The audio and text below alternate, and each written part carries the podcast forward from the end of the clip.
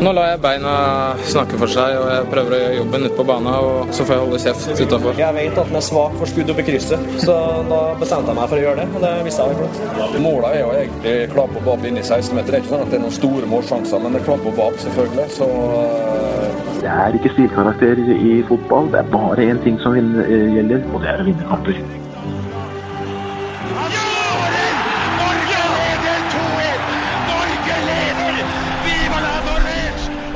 Er uh, toppfotball tilbake. Og mine damer og herrer, uh, uh, landslagets nye assistent Lasse Wangstein.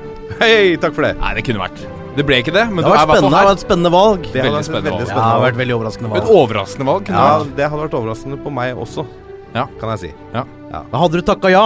Jeg er litt usikker. Det er, det, vi snakka jo litt med Var det Smerud som sa det? Ja. Jeg sa jeg har såpass selvinnsikt at jeg tror ikke jeg hadde passa i en eller annen rolle. Og da sa han har du selvinnsikt, da kan du ikke være fotballtrener. Nei. Nei det er godt poeng. Det er jeg godt hadde poeng. nok takka nei. Det er godt sagt. Vet, vet du hva jeg hadde sagt? Jeg tror uh, Lagerbäck og jeg at vi har veldig utfyllende kompetanse. Hadde jeg sagt det, så hadde jeg sagt det jeg tar den. Ja, det. Jeg hadde elsket å se deg i den rollen. Gutter! Gutter! Løper! Håvard uh, Lilleheie, vi Ja. merker alltid at du er til stede. Det er godt å se deg. Altså. Du, det er hyggelig å Det er jo en det er jo en fest. Vi Ja. snakker norsk fotball på ukentlig basis. Ja. Det, er, det er flaks å være i den posisjonen. Det. Det er ikke feil, i hvert fall. Nei. Og i dag har vi med oss uh, å, Vi har med oss en direktør, mine herrer. En, uh, en som har hatt masse direkte, direkt, direkter, Direktørstillinger. Direktørstillinger. Ja, ja, ja. Vålerenga. Uh, sportssjef, riktignok. Hopp- og kombinert-landslaget. Sportsdirektør i Stabæk. Sportsdirektør i Vålerenga nevnte jeg. Sportsdirektør på NTG. Daglig leder i Bærum sportsklubb. Sportssjef Norges Golfforbund. Og nå sportsdirektør i kanalnettverket som skal gi oss norsk fotball. ja også ans anselig eh, spillekarriere. Ja, vi tar tar den først. Ja, ja. Cupgull. Cupgull, ja. Og seriebronse. ja.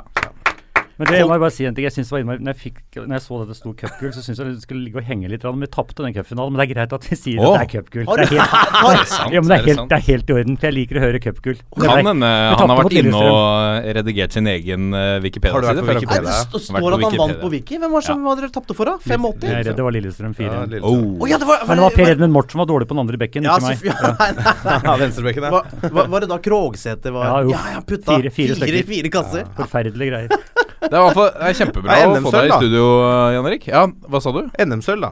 NM-sølv, ja. Ja. ja, Ja, og bronse i serien. Ja, Seriebronse, Er det noen andre, som har det her? Nei. Ingen bronse. Jeg krets, jeg er kretsmester. eh, Ja, ja, kretsmester Sunnhordland, Nordhordland krets. seriemesterskap, eh, og cupmesterskap i ovalball, altså amerikansk fotball. Det er jeg. Ja, men det er jo det er noe helt annet. Ja, det det snakker vi ikke om her. Og deltakerlista var Nei, det var jo Var det åtte lag, da? hva, hva, hva, hva var du for noe? Var det sånn som kasta, eller? Nei, jeg var kicker, blant annet. Oh. Kicker, ja. Og tight end. Og du sto og Jeg dytta litt og løp litt. Jeg var slankere da. var, men, har, du, har du vært hurtig noen gang? Nei, jeg var ikke hurtig. Nei, nei. nei, nei tight end må aldri ikke være hurtig. Jeg kunne aldri se for meg at du hadde vært hurtig. skjønner du. Eh, spennende historier fra det. Eget liv. Selv har jeg, et, eh, har en bronse fra Holmestrand grusbanecup i Hei. eh, 97. Det er også bra. Mange takk. Jan Erik Olbu, fantastisk å ha deg her. Hyggelig å være her. Nå er vi veldig spent på å høre mer om I dag skal vi høre litt mer om hva, hvordan skal dere ta vare på og foredle og hva skal man si pusse glansen av, av norsk fotball de neste årene. Eller pusse støvet. Pusse støvet. Oi, ja. Og du opplever det litt sånn? Jeg opplever det litt litt sånn. Ja, Ja. hvor, hvor, hvorfor det? Nei, jeg føler liksom at uh, norsk fotball er stor interesse. Det mm. ligger kanskje nede litt i de siste årene. Og jeg syns TV 2 fra først av side har gjort en fantastisk jobb med fotballen i veldig veldig mange år. Men det siste året, så kanskje pga. at vi ikke fikk rettighetene videre, så har de vel prioritert mer Premier League. Så jeg håper og tror at folk skal se en forskjell på det når vi tar over. Og så klart er vi jo avhengig av å spille på lag med både supportere, publikum og uh, ikke minst spillere for å få dette til å fungere. Men jeg tror på at vi kan være med og løfte det, at folk setter pris på det vi skal gjøre nå med nøyaktig en måned i morgen. Ja, én måned, ja. Det er en, ja. Ja, for det er jo selvfølgelig 1. april. Nå er snart den Så er forferdelig lange oppkjøringa ferdig. Det har vært Det veldig lang oppkjøring. Men, men hva Ja, for jeg, jeg er jo helt enig i virkelighetsoppfattelsen din. At, eh, at på en eller annen måte idet TV 2 tapte eh, og det var, jo, det var jo mye bråk og surhet etter den eh, budrunden der. Eh, da, da, da tenker jeg på Seymour-runden. Eh, og, og etter det norsk fotball har vært mindre av det i media, og det har vært veldig lite redaksjonelt om det, TV, eller veldig lite, i hvert fall betraktelig mindre. Uh, men, hva, men hva akkurat skal dere gjøre for å, for å få dette produktet som vi elsker ordentlig. Og på Jeg vet jo at, du- elsker det, for du Ja. er en stor uh, fotballfan. Men det, Ja. det jo, vi har kalt det fotball tilbake til folket. Og det viktigste vi skal gjøre, er at vi har dobbelt så mange det vi kaller eh, kamper på åpne kanaler. Uh, de har hadde, I fjor hadde de to på kanal Sebra, og resten lå bak en betalingsmur og en høy betalingsmur. Vi skal ha fire kamper på åpne kanaler, og så skal vi ha fire kamper bak en billigere betalingsmur. Prisene våre kommer til uka, og det vil være mye billigere enn det man har vært uh, vant til fra tidligere. Ikke nok med det. Vi skal ha de beste kampene på åpne kanaler. Vi har ikke de beste kampene bak en betalingsmur. Så når Rosenborg spiller, uten at jeg skal ta For alle er uenige om at Rosenborg er beste laget nå. Så ikke du blir sur hvis ikke jeg nevner Strømskog, så du hvis ikke jeg nevner Vålerenga. er. Så kommer Rosenborg til å spille så ofte som mulig på våre åpne kanaler. Og det er jo måten vi har tenkt å gjøre dette på. Vi skal løfte eh, Eliteserien. Vi skal ha flere seere. Vi skal gjerne doble seertallene enn det som TV 2 hadde sist sesong. Mm. Men hva hva skal dere gjøre sånn annerledes? Skal dere gjøre noe annerledes innholdsmessig? Skal dere fronte på en annen måte? Skal det være annen stil? Eh, er, er det noen redaksjonelle forskjeller? Ja, det, det håper jeg kommer til å være. Men klart, selve fotballkampen den blir ganske lik uansett hvor den kommer til å være. Altså, er der, der er det jo for, for lagene og en dommer og eventuelt en kameramann som kan gjøre forskjell. eller Det blir likt. Om det er MTG-gruppen, TV 2, NRK eller vi som sender. Kan ha drone, vet du! Drone! Ja, drone. drone. Kommer det drone? på- Kommer det? Ja, øh, nei Oh. Kanskje, kanskje Drone er ikke, lov- drone, drone er ikke lov i alpint. Nei. Det er ikke lov med drone. Og det er mye flere fotballspillere enn Ikke alpinister. så. Nei, men altså, Jeg har ikke lyst til å si for mye om sendingene, men vi skal ha altså vi, vi, Jeg kan si litt om det. Vi, vi har et nytt konsept. Vi skal ha Derby-lørdag. Hver lørdag det er mulig å spille lørdag. Da tenker jeg ikke på midtukekamper eh, 16. mai, eh, pinse og de dagene der. Skal vi spille noe vi kaller Derby-lørdag. Det er lørdager klokka seks med én times build-up. Eh, Det er typer, det er, ikke Rosenborg mot Vålerenga, som kanskje folk ser på som en, et Derby-oppgjør eller en, sånt, eh, en, klassiker i norsk fotball. Men et Derby-oppgjør er f.eks. Strømsgodset mot uh, Stabæk, Vålerenga, kanskje også Lillestrøm. Det er, for det er, det er ikke mer enn to-tre mil Kort, mellom dem. kort avstand. Det er det vi har som Derby. Mm. Rosenborg mot Kristiansund, Rosenborg mot Molde, Molde-Ålesund, Molde-Kristiansund. Der har Mm. masse oppgjør. Så Det er det vi kaller Derby. Det skal vi ha hver lørdag. Og så har vi seks supersøndager gjennom sesongen. Hvor vi da skal ha seks breddekamper, i tillegg til at vi skal ha en litt bedre søndagskamp klokka seks som går på en fri, eller åpen kanal. Og skal vi ha storkampene på søndag klokka seks på hovedkanalen TV Norge. det er typisk. Kjøre på moderskipet, altså. Ja, Moderskipet Ja. seks søndager i året. Og, Så det blir spennende. Da kommer vi til å ligge der fra klokka, eller på, med, med fotball fra klokka tre til eh, ja, rett før midnatt. Så det Mm. blir mange, mange timer. Ah, det er deilig. Ah, jeg gleder meg. Det er Det er deilig. Men, noe helt annet eh, enn hva vi har vært vant til. Du sier én times build-up. Det er en ting jeg lurer på, som du ofte har sett i fotballen de siste åra, er at eh, du har litt build-up, og så har du kampen, og så går du egentlig av nesten før du får noen reaksjoner. Kommer dere til å bruke tid på reaksjoner rett i etterkant av kamp? Altså intervjuer med spillere? Jeg kan fortelle deg en ting, eh, Lasse Wangstein. Det er jo at uh, vi er en kommersiell kanal. Ja. Og, eh, og for å kjøpe en rettighet til 400 millioner, eh, snaue 400 millioner i året, 2,4 milliarder over seks år, så er vi nødt til å ha en penger, vi også. Og Ja, ja. klart, det er, men, men klart er det noe som er en, det er en storkamp, det er noe som står på spill. Mm. Så må vi kunne tørre å ligge litt lenger før vi går rett til reklame. Det å vise Jeg forstår at, var, Han nei, nei, jeg forstår at du går til reklame, men vi har ofte sett at eh, kampen er ferdig, så tar man én reaks, og så går man til reklame, og så går man til neste program. Hva betyr, altså, hva betyr reaks for eh. Reaksjoner. Reaksjoner. Ja. ja. Proft er så Ja, TV-språk, vet du. Ja. Stammespråk. Eh, Det må vi ikke Nei, bruke. altså det Jeg, håper og tror at ikke det skal skje. Men Altså, jeg forstår reklamebegrepet. ja, at du Nei, må vi skal, ha, vi skal ha også det vi kaller postmatch i Ja. kampene våre. Ja, hvor vi skal ha en god tid på å prate om hva som har skjedd i, Ja, det, i løpet av kampen. det liker jeg høre. Og så, var Håvard, du var inne på det, skal vi ha Vi kommer ikke til å se like ut som TV 2. Jeg blir veldig skuffa hvis vi får reaksjoner på at det eneste som er forskjellen når vi kommer på TV, det er buggen oppi hjørnet. Og buggen er jo da logoen. Ja. At det står uh, Max eh, Eurosport Norge eller TV Norge. At det eneste forskjellen er med TV 2-logoen med Sebra. Det må ikke skje. Men uh, vi har jo henta en del folk i det siste. Vi jobber jo i disse dager nå med å, hvordan vi skal presentere fotballen. Så håper vi har en del nye konsepter som skal slå, skal slå an. Også så dere kan prate om her sånn utover sesongen. Villig vekk, villig vekk. Er Caleb Francis fortsatt å finne på kommentatorstolen? Jeg husker han kommenterte kamper på Eurosport i mange år. Caleb Francis. Nei, han har ikke jeg sett. Kongsvinger- Kongsvinger ja, Ja, ja, Kongsvinger-legenden, ja, ja, ja. virkelig. Ja. Eh, Han har Men- vel spilt mot Vålerenga en gang, og det var vel ikke alle som uh, syntes det var så kult. Nei, det tror jeg. Ja, en uheldig eh, episode. ja.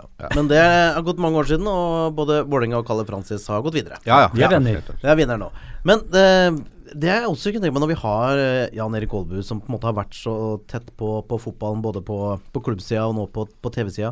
Eh, hva, tenk, hva tenker du om ståa i norsk fotball? Sånn kvalitativt? Jeg, jeg syns at fotballen kanskje generelt sett er bedre enn det folk prater om. Altså hvis, øh, hvis, jeg hvis jeg sier til naboen min hver eneste dag at norsk fotball suger, er drita dårlig, da begynner han å tro på det. Jeg tror jeg er mye, mye mer opptatt nå at vi skal få øh, Vi må spille på lag. Det er oss som TV-hus, det er supportere, det er klubbene, det er også prøve å få mediene til å prate mer positivt om norsk fotball. Vi kan ikke sammenligne oss med Premier League. Vi kan ikke sammenligne oss med Bundesliga. Vi kan sammenligne oss med svensk fotball, som har fått en oppsving på hvert fall når det gjelder publikum osv. osv. Den hadde vi i slutten av 2000-tallet, med 2008 og 2009, hvor det var mye tilskuere på kampene. Vi må prøve å komme tilbake dit igjen. Men jeg mener at det, er stor interesse, det er stor lokal interesse. Og med det konseptet vi skal ha nå, så håper jeg vi kan vekke det litt mer til liv igjen. At det er flere som kommer til å se på. For det er, det er trist når du er når Rosenborg spiller mot Molde eller Rosenborg spiller mot Vålerenga, eh, og det er 30 000 seere bak en betalingsmur. Det er ikke så kult, for det er kamper som bør ha flere hundre tusen seere. Det er helt enig og det, og det, og det er stusslig. Men det jeg tenker, er jo at med altså den siste ansettelsen av landslagstrener det, Dette tenker jeg kan være For hvis, hvis øh, jeg kan snakke litt friere enn Jan Erik, så, så har jo på en måte norsk fotball kvalitativt uh, vært i en kraftig bunn. Uh, men jeg tenker jo nå, altså med en, en landslagstrener som er vant til å levere i overkant gode resultater, både Sverige årrekke og selvfølgelig Island helt fantastisk, så kan dette være et nytt sånn vannskille for norsk fotball. Og her mener jeg er meget viktig at klubbfotballen er våken og kaster seg på det toget som går nå.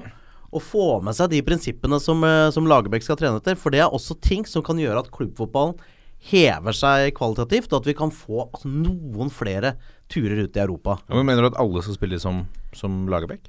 Alle klubbene? Nei, men jeg mener at uh, alt de uh, grunnholdningene hans, som, som knallhardt arbeid, alle som jukser, pælmes ut av laget og sånne ting, at det er holdninger som en liten fotballnasjon virkelig trenger for å hevde seg. Ja, vi, du er inne på det. Vi får jo tilbake litt av den der stramme organiseringa som vi hadde med Drillo for mange mange år siden. Ekstremt viktig, Jan Erik! Ja, ja, men det er det. det, er, det er, og, det og den får vi tilbake nå. Og det blir ikke noe Nå, nå må folk jobbe, nå må folk løpe, ellers er du ikke på laget. Altså han, Folk sier at Lagerbäck er en kjedelig type. For meg er han ikke kjedelig. For det første har han en karisma. Han, en, han uh, har en fantastisk autoritet. Jeg tror han bare kommer inn i rommet, så tar han rommet uten at han må heve stemmen sin. Folk får respekt for han. Og det tror jeg det er en start. Så folk som ønsker å spille på landslaget nå, de må gå i seg sjøl. De må jobbe, de må jobbe knallhardt. Vi hadde en gjeng på 90-tallet med Drillo. Som, eh, og Drillo tenkte jo kun på sitt lag. Tenkte ikke så mye på motstanderen på mange måter. Han, han tenkte på motstanderen hvordan han skulle ødelegge for motstanderen. Men han fikk jo elleve jeg skal ikke si et jævlig gode fotballspillere, Man fikk elleve fotballspillere til å spille sammen. Og vi var ranka nummer to i verden bak Brasil. Altså Det er jo helt vilt. Jeg Det tror er ikke- helt vilt. Jeg tror ikke vi kommer dit igjen, men at vi, kan, at vi kommer foran Færøyene med, i løpet av noen runder, det tror jeg. Det hadde vært hyggelig. Det må vi, det, må, det må vi håpe og tro. Men, eh, men hva var det som eh, Ja, nå, dette her nå, Jeg skal ikke dvele så mye For jeg vet at dette er ikke Men dette er ting jeg er opptatt av. Derfor tar jeg det likevel. Hvor, hvor gikk det galt? Altså, hvor mista vi Altså, vi hadde jo Vi hadde Drillo. Vi hadde Eggen. Vi, vi gjorde ting riktig. Hva skjedde? Men tenker du på landslaget, eller tenker du på, tenker du på landslaget? Jeg på tenker på Fotball-Norge. Ja. Jeg tenker at Fotball-Norge var i en fantastisk forfatning. Mm. Helt til vi blei så jålete at vi på alle kommentatorplasser på veldig mange deler av den trykte pressen, som var jo eh, viktig den gang, eh, skrev at eh, nå må vi også utvikle oss individuelt. Og så mista vi fokus Mm. På Skulle organiseringa. spille mer fancy og mer sexy fotball, og det har tydeligvis ikke vi spillere. Nå har vi, nå har vi utvikla en hel masse gode eh, sentrale midtbanespillere, men så har vi ikke den der bautaen bak og sentrallinja vår som vi hadde en gang i tida. Vi hadde en fantastisk keeper, vi hadde to utrolig gode midtstoppere. Ekstremt! Og vi hadde en Kjetil Rekdal som ifølge seg sjøl Han har ikke bare følge seg selv, han har 83 landskamper, og de fleste veldig gode også, som han sier. Han var ikke noe sånn som briljerte Kjetil, men var ekstremt viktig for laget sitt. Det var en som Drillo satte opp først på laget hver gang. Slo ikke feilpasninger, lå riktig i, i ramma hele tida, og hadde punch i huet sitt. Og kynisk nok. tape. Og kynisk nok. Ja, helt men, riktig. men så er det også sånn at norsk fotball har ikke Altså på mange måter ikke klart å henge med på utviklinga. For det vi var gode på på 90-tallet, med stram organisering og sånne ting, det er mye av suksesskriteriene til de beste laga og landslaga i dag. Ja, de har de briljante enkeltspillerne. eh, og bra, bra tempo og bra fysikk og sånne ting, men de har også ganske klare eh, rammer. Kan kanskje til tider spille ganske pragmatisk fotball for å lykkes og for å få resultater. Og det har vi ikke klart å henge med på når vi skulle begynne å bli eh, teknisk Men Nils. Arne Eggen sa eh, Han har sagt mye fornuftig, selvfølgelig. Komplementære ferdigheter var én ting som er veldig viktig, uansett hva vi holder på med. Og så sa han en ting at du må, du må, du må trene på styrkene dine. Mm. Den dagen du begynner også ikke trene på styrkene dine og skal begynne å prøve å få svakheten til å bli litt bedre, så glemmer du styrkene dine, så blir du gradvis dårligere. Han var utrolig fokusert på tren på det du er god på, og fortsett med det. Det tror jeg var suksessfaktoren til Rosenborg, at han holdt trøkket på det hele veien. Men når det gjelder norsk fotball, da. Altså Vi kan snakke om ehm, kvalitet og alt sånt, og vi håper jo at norsk fotball blir mye bedre. Men for oss som er glad i norsk fotball, så altså, i hvert fall for meg Jeg er ikke så opptatt om at vi alltid har lag i Europa. Det er veldig gøy når vi har det, men Det er veldig gøy for oss, for vi har rettighetene. Ja, det skjønner jeg. Men for, nære, Det er viktig, Lasse! Ja, selvfølgelig er det viktig, men nærheten min til norsk fotball handler ikke alltid om at det nødvendigvis vi må være bedre enn Belgia eller Sveits. Det handler om det lokale laget jeg støtter. At vi kanskje har noen lokale gutter på det laget som er ute og herjer på Ullevål eller på nye Vålerenga stadion eller eh, på Marienlyst eller hvor det måtte være. At det er noe med den lokale tilhørigheten. Den får du ikke til et lag i Premier League eller Bundesliga eller La Liga, uansett åssen du snur og vender på det. Nei. Ja, vi skal ha kvalitet, og vi skal ha et landslag som skal opp og frem, og vi skal ha lag i Europa, men for veldig mange så handler jo norsk fotball om det, også det lokale, da. Og det håper jeg vi kanskje kan også dere kan bidra til at folk finner litt tilbake Ja, til. da, det Den stoltheten til eget lag. Jeg tror det, er viktig. det du er inne på der er viktig. Altså det er jo, vi må jo samarbeide med klubbene, lokale næringslivet, for å få trøkk rundt det. Og ikke Mm. minst da Derby-lørdagene våre, som blir veldig viktige sånn. Og så har vi nå skal vi lansere også fantasy-fotball. Altså dere har, dere har hatt det i Premier League i flere år. Da kan du skape eh, et helt annen entusiasme rundt fotballen i Norge. Både på arbeidsplasser, på skolebenken, overalt. Så det kan bli en snakkis og en prat. Vi må få fram flere profiler. For nå er det lett også å nevne en del profiler men vi, i Norge, men da havner du på trenere. Mm. Treneren er faktisk i dag større profiler enn spillere, og sånn var det ikke før. Nei, og, og det jeg vil si liksom, litt i forlengelsen til det Lasse sier, er at eh, det, altså, det fins jo eh, i hvert fall et par generasjoner fotballinteresserte folk som er yngre enn oss. Og veldig Utrolig nok. Utrolig, det, er merkelig, det er merkelig å tenke på, men nå tar vi et lite sekund, og så tenker vi på akkurat det. Og i forlengelse av det, så skal jeg fortelle dere det. At min basisforskning, når jeg møter folk som er yngre enn oss og snakker om fotball, er at veldig mange av de sier at Nei, norsk fotball, jeg gidder ikke lenger. Jeg følger De har Premier League-laget sitt, eh, og, og selvfølgelig har jo også eh, interessen for, eh, for spansk fotball økt med, med, med både Barca og Real sin dominans. Eh, og derfor tror jeg at kvalitetsheving er viktig. Derfor er det viktig at vi får et landslag. Og, og det er klart at altså, på alle de mindre stedene der, der det spilles fotball i Norge, og som klarer å, å få et tippeligalag, så vil jo den lokale entusiasmen komme naturlig. Fordi du har David Mogolat, du har den følelsen ah, det er oss mot dem, alt det der. Men for så storbyene så tenker jeg at det at det blir kvalitativt bedre, er Det er veldig viktig. Ja, For er viktig. interessen. Ja, ja. Og derfor syns jeg også at det eventyret som Molde hadde for eh, ikke så lenge siden, som var veldig imponerende, syns jeg fikk for lite oppmerksomhet. Takk for meg. Vær så god. Men apropos det vi er inne på nå, vi, snak vi snakker om norsk fotball i, i hele Norge. Jeg har lyst til å ta fram et, et spørsmål fra en av lytterne. Vi har fått veldig mange spørsmål innsendt etter at vi sa du kom i studio, Jan Erik. Uh, en av de trofaste gutta, 30 understreker Christian, har litt sånn breddefotballkonge. Veldig bra Twitter-konto. veldig, veldig bra. Um, han spør når blir det annonsert eh, hva breddekamper som blir sendt på Supersøndag. Så kommer ikke fra Oslo. Nei, nei, nei. han er fra Sunnmøre, tror jeg. Ja, han er fra Var det. Sunnmøre-dialekt? Ja, ja det, var, det var greit nok. Det var greit nok.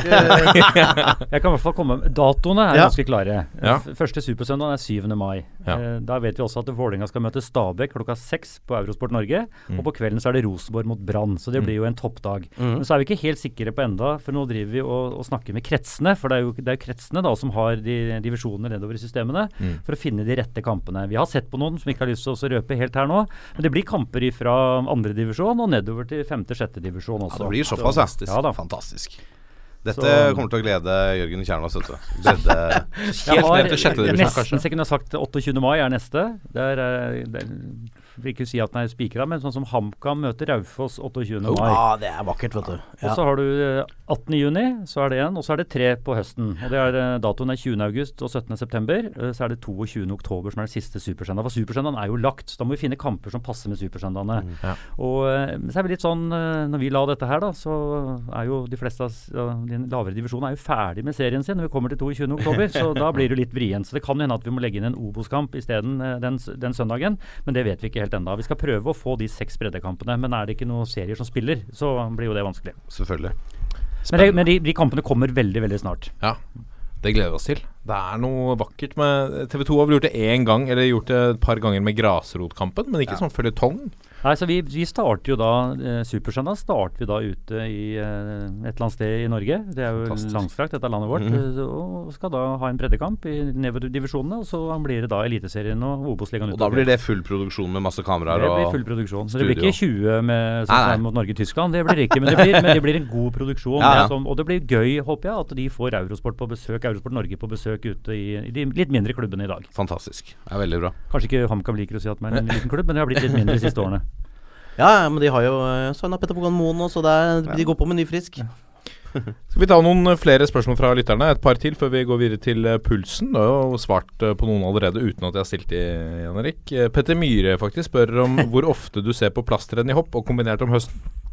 Ja, Petter kjenner jeg godt. Han, er, han har jobba sammen i Vålerenga, så han veit jo at jeg er opptatt av skiidrett. Ja. han, han, han, blir, han er veldig overraska når jeg sitter og ser på et ho- hopprenn fra Hintusarten med en plass på sommeren, for å si det sånn.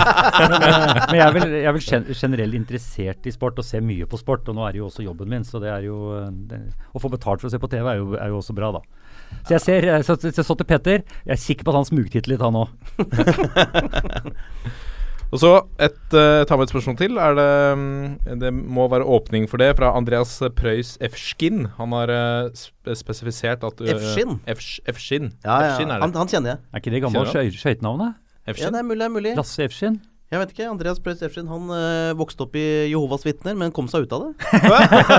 Jeg så god kompis. ja, ja, så det, det, er sant, det er sant, ja.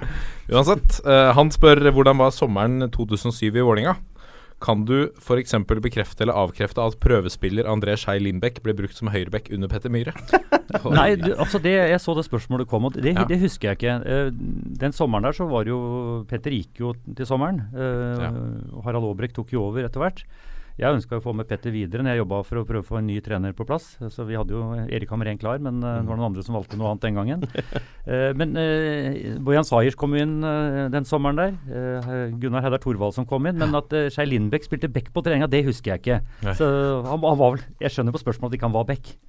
Nei, nei og, og, og at eh, både André Skei Lindbekk og de rundt André Skei Lindbekk kanskje var misfornøyd med at han ble brukt i backposisjon. Det er en slags undertekst der. Ja, ja, ja. Før vi går på pulsen, eh, Lasse, skal vi ta med en rating? Ja, du, det kan vi gjøre. Det har jo vært eh, litt uh, dårlig med det i det siste. Men det er bare det komme. Jeg elsker at dere er så opptatt av de Ja, ratingene. men veldig det, viktig, det er veldig viktig. Er det viktig? Ja, det er, Ja, det det er kanskje det. De sier så. Ja. Ja. Vi har fått en med overskriften 'God underholdning' av uh, Gando G. Oh. Deilig podkast om det meste som skjer i norsk fotball. Dog altfor lite prat om Vålerenga i det siste. Oi. Ja, men det, det, det må jo du ta på deg. Det får jeg ta på min kappe. Ja, ja, ja. Ikke klart. sett han i gang nå. Ikke sett Nei, han. nei, nei, vi, skal. vi, vi har fått litt kritikk tidligere for at det har vært litt mye Vålerenga. Så det, Ah, ja, ja, ja, så det bølger fram og tilbake. Ja, Ja, så du tåler kritikk? jeg tåler det fint, jeg. Ja, ja. Helt- Dere har jo jobbet sammen tidligere. Det er jo veldig Ja. morsomt. det- Vi har jo det. Ja. Lasse Ja. var jo med på uh, første spilleren som jeg var med å kjøpe til Vålerenga. Uh, Sebastian Mila.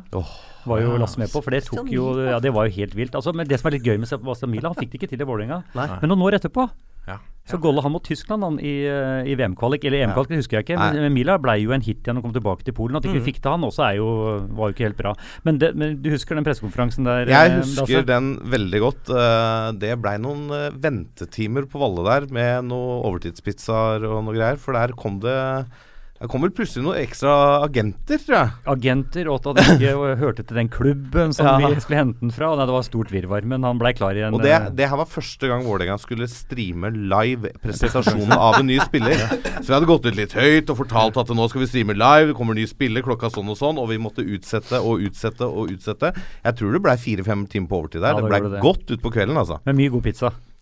Veldig mye god pizza utpå kroken der.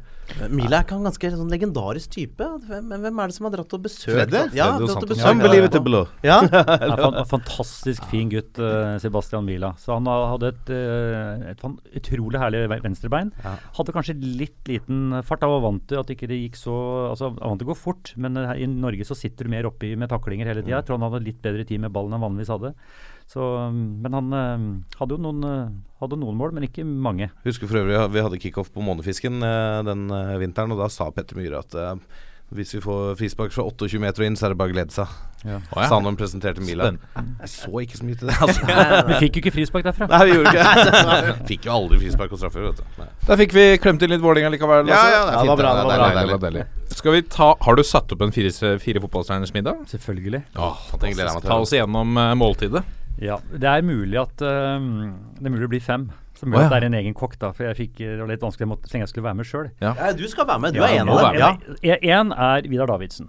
Ja. Det Og er- hvorfor? Ja, det er, eh, vi, jeg, jeg, jeg spilte sjøl i Vålerenga, som Ja. dere har uh, behørig nevnt her, med NM-gull. Ja, ja, ja. Researchavdelingen. ja. Vidar var veldig, veldig viktig for meg den gangen. Han var kaptein på laget. Og Vidar har også trent meg seinere når han gikk til, eh, til Bærum, som eh, da var jeg kaptein, og putt, putta mye mål. Jeg først var, var back. Så vi, vi, Vidar må være med. Vidar må være med. Kaptein i Wifi i min tid. Uh, så kommer det en litt sånn overraskelse, men jeg skal ha med Alex Ferguson. Oi. Oi. Jeg har bestandig vært en Liverpool-supporter, uh, men jeg var så heldig å få møte Alex Ferguson eh, på The Cliff på treningssenteret hans. Eh, dette var eh, Jeg tror det var i 1997, når jeg var eh, sportsdirektør, som du også nevnte, på NTG. Ja. Så hadde jeg med Tor Todesen over dit. Han var da eh, sportssjef for fotballen. Så vi skulle se om vi kunne få noe utveksling eh, mellom NTG og United. Og måten han tok oss imot på det senteret der, eh, noen tullebukker fra Norge da sa jeg midt under møtet, det var Brian Kidd som var assistenten hans. Ja, nå tror jeg jeg bytta lag, jeg, sa jeg. Og det var, eh, men det var, eh, det, var helt, det var helt fantastisk måten han uh, ordna billetter til oss og ga oss billetter dagen etter. Kom ut og la dem i en konvolutt til oss og møtte oss dagen etter på eh, Det var jo på Rebook Stadium når Bolton møtte United. Så, så jeg, følger Ferguson er med. Han er en stor personlighet. Er en, har vunnet noen titler også, så um, han er morsomt å høre på. Ja. Rød nese òg. Eh, jeg har møtt ham tidligere, men ikke middag, så han er med på Firestjerners middag. Ja. Og så må det bli da Kevin Keegan. Det var jo min eh, store helt når jeg vokste opp. Klarte egentlig aldri nå, Jeg har gjort det i eh, senere år, når jeg er blitt eldre, men jeg klarte helt aldri å akseptere Dalglish. Nei. For han tok jo nummeret til eh, Keegan. Og Sjueren, det, ja. ja, sjueren. Det var ikke helt bra for meg, for Keegan var min helt når jeg vokste opp. og var jo det var fantastisk Liverpool-lag. Eh, og så det, det er tre, og så er fire med meg. Men så har jeg valgt da en til. Og det er pga. maten. Ja. For jeg går på lavkarbo om. Litt skuffa, Lasse. at ikke du ser at jeg har, har gått ned en del kilo? Det ser lett å finne. Ja, lett å finne ut. Jeg Ja. går på lavkarbo, og da, er det, og da er det biff som teller, vet du. For det er lov å spise biff. Og da er Maradona kokken, så jeg tar med Oi. Maradona. Oi, oi, oi, argentinsk biff. Argentinsk biff. Ja, Ja, godt. Så det er, det er Maradona med. Er det ser Jeg for sjelden ut, uh, Jan Erik. For sist uh, jeg så det, så var du like slank og fin som nå. Så det er mulig å ha gått opp imellom der, ja, men ja, ja, ja, det er bra sagt. da er du tilbake igjen, liksom. Ja, ja. Det er bra. Det er jo artig å tenke på at du og Davidsen skal sitte rundt bordet, mens Maradona må fly rundt og servere dere biff. Det er et godt bilde, altså. Ja, det er et godt bilde. Ja. Ja, det, det er fint. Herlig. Ja, det var et- et fint selskap. Fint selskap, altså. Jeg hadde sett den eh, episoden. Ja, definitivt hadde jeg Ja. sett på. Du kan prøve å Jeg invitere. og satt på opptak. Ja. Jeg satt på opptak, ja. Ikke live. Jeg sjelden, jeg, bortsett fra fotball, så ser jeg ikke mye live-TV. Altså. Nei, men sport er live. Sport er alt er live. Nå kommer pulsen. Og da er vi kommet til vår kjære puls. Eh, Pulsen, Jan Erik, er det vi mener og har bestemt er det viktigste i norsk fotball akkurat nå. Så eh, spiss eh, øra og hiv, hiv deg med. Uh, Det viktigste akkurat nå er vel, som vi nevnte i introen, ikke at du har blitt uh, landslagsassistent, uh, Lasse, for det har du dessverre ikke blitt. Nei, jeg har ikke det, men uh, ca. en halvtime før vi gikk i studio, så ble det kjent at Per Joar Hansen har blitt ansatt som assistent for landslaget fra 1.3, altså i morgen. Ja. Det er en erfaren herremann. det er det. Jeg har hatt uh, U21-landslaget, trent lag både i Norge og Sverige, og har vel vært ligget litt i kortet at han har vært en kandidat, i hvert fall. Uh, Lagerbäck har jo vært tydelig på at han ville ha en norsk assistenttrener. Ja. Den store bragden hans er jo at han tok jo U21-landslaget til eh, EM. Mm. Eh, selv om han, han slutta jo da for å ta Rosenborg, og så eh, gikk det jo dårlig der, og de ble uvenner, og han fikk sparken og sånn. Eh, og Skullerud gjorde det jo bra, veldig bra med dem i mesterskap, men, men han eh, tok det jo gjennom den kvaliken, og den siste matchen der mot eh, Frankrike på gamle gress. Fantastisk. Det, det var høy kvalitet. Gamle gress var det den. Ja, dette veit vi. Ja. Ja, men det var, det var som jeg var inne på det, det var ikke noe stort sjokk når han ble ansatt i dag. Altså, du, det er ikke så mye å velge mellom. Når du først, det er mange som sitter i, Gode trenere sitter i jobber i dag som kanskje er mer attraktive enn å være assistent på landslaget. for alt jeg vet. Selv om det må være helt fantastisk da, å være assisterende landslagssjef. Ja, Uten å få kjeft og kan reise rundt og se på kamper. Og hvis det er bra betalt, så må det være drømmejobben. Men han har jo etterutdanna seg litt. Han har jo uh, reist veldig mye rundt omkring i Europa for å se på hva som fungerer hos lag, og hva som ikke fungerer i Norge osv. Og så har han jo den historien han har fra Sverige, så det var vel, det lå litt i korta, tror jeg, at uh, Eller ganske sikker på at det skulle bli han. Uh, I kraft av at det ikke var så mange andre å, å velge i. Du har jo akkurat ansatt Kjetil Rekdal i Discovery. Hva hvis forbundet hadde kommet uka etterpå og sagt Hei, vi ønsker han som assistent, hadde du latt den gå? Ja. Ja.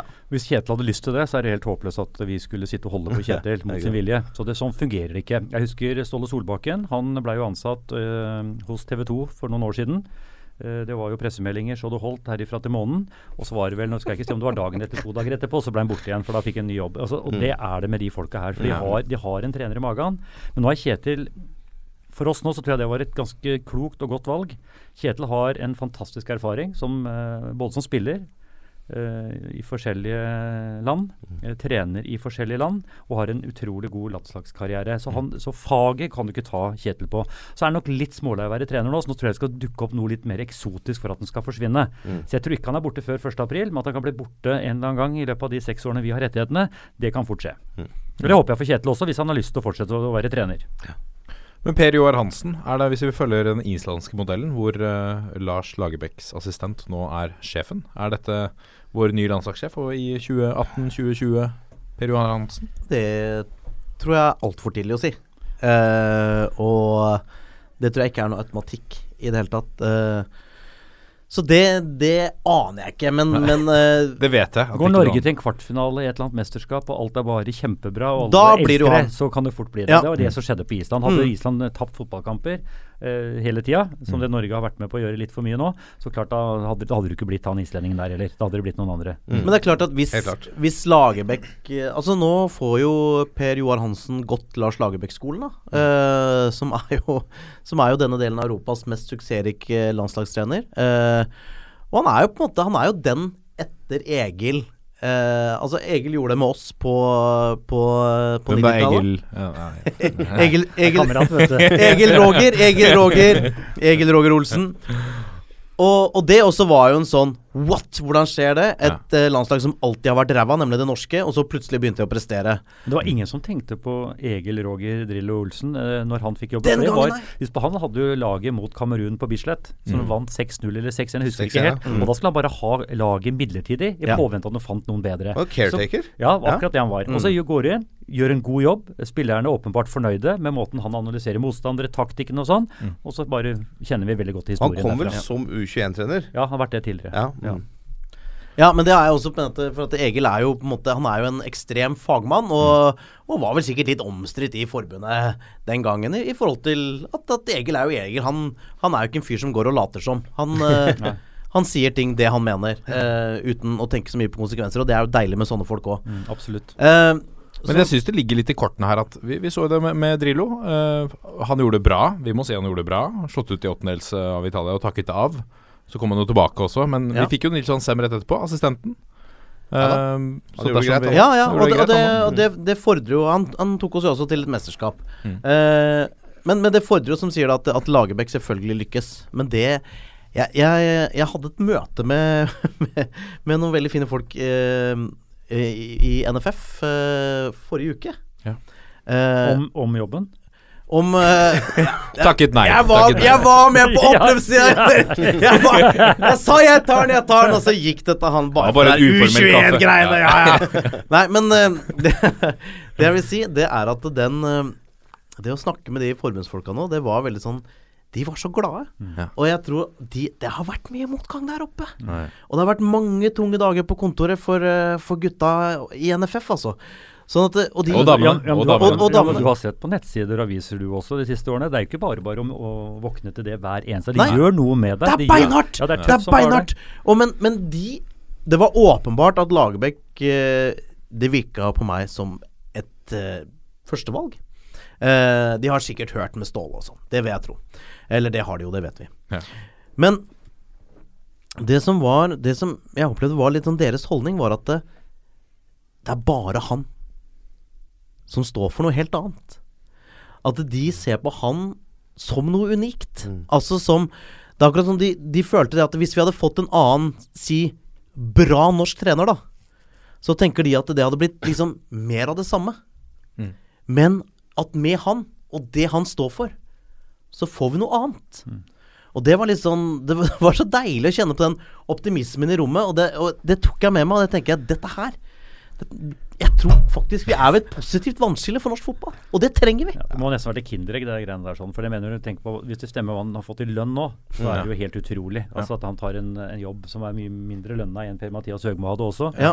Og, og med de resultatene så tror jeg vi skal bare være kjempeglad for at vi får en sånn mann i den eh, posisjonen. Så Det beste jeg- vi kunne fått. Ja, da, Ja, jeg tror det. Men jeg kjenner jo igjen dynamikken i det du snakker om, med denne stemningen fra fotballklubb òg. Jeg har vært med øh, Sparka trenere før. Jeg har vært med og sparka trenere, holdt jeg på å si. Jeg har- Ja, ikke kanskje gjort det selv, men i hvert fall vært med og, og kommunisert i etterkant. The Messenger. The messenger.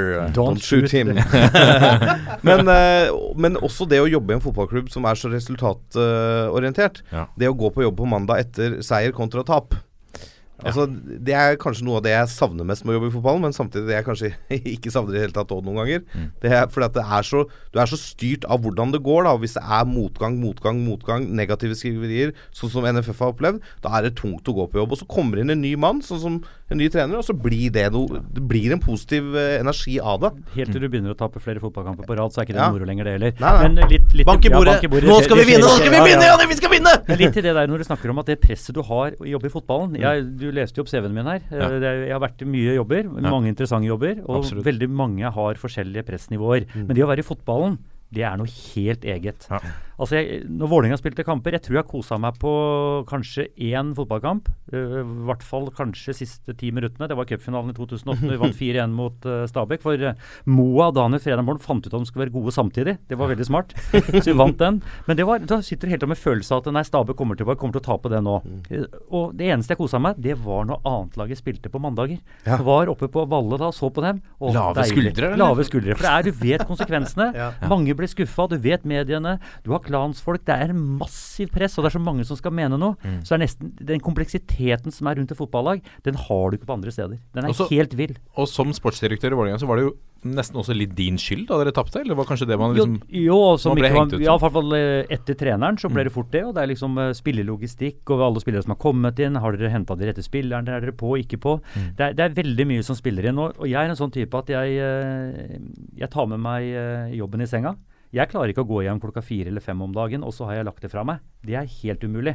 Det drømmes om det, det soves med det. Mm. Så jeg, eh, jeg går jo med opp og ned på resultatene. Så her må du lære litt mekanismer, og hvis du klarer å koble av litt. Men det er ikke veldig lett, altså. Nei, det er ikke det. det, er ikke det. Det, er, det, er, det, er, det, er, er tøft. Jeg har respekt for de som holder på med det. Og det er eh, mye altså det, Nå har vi fått med, altså, Nå er det jo snart ti år siden jeg var i Vålerenga.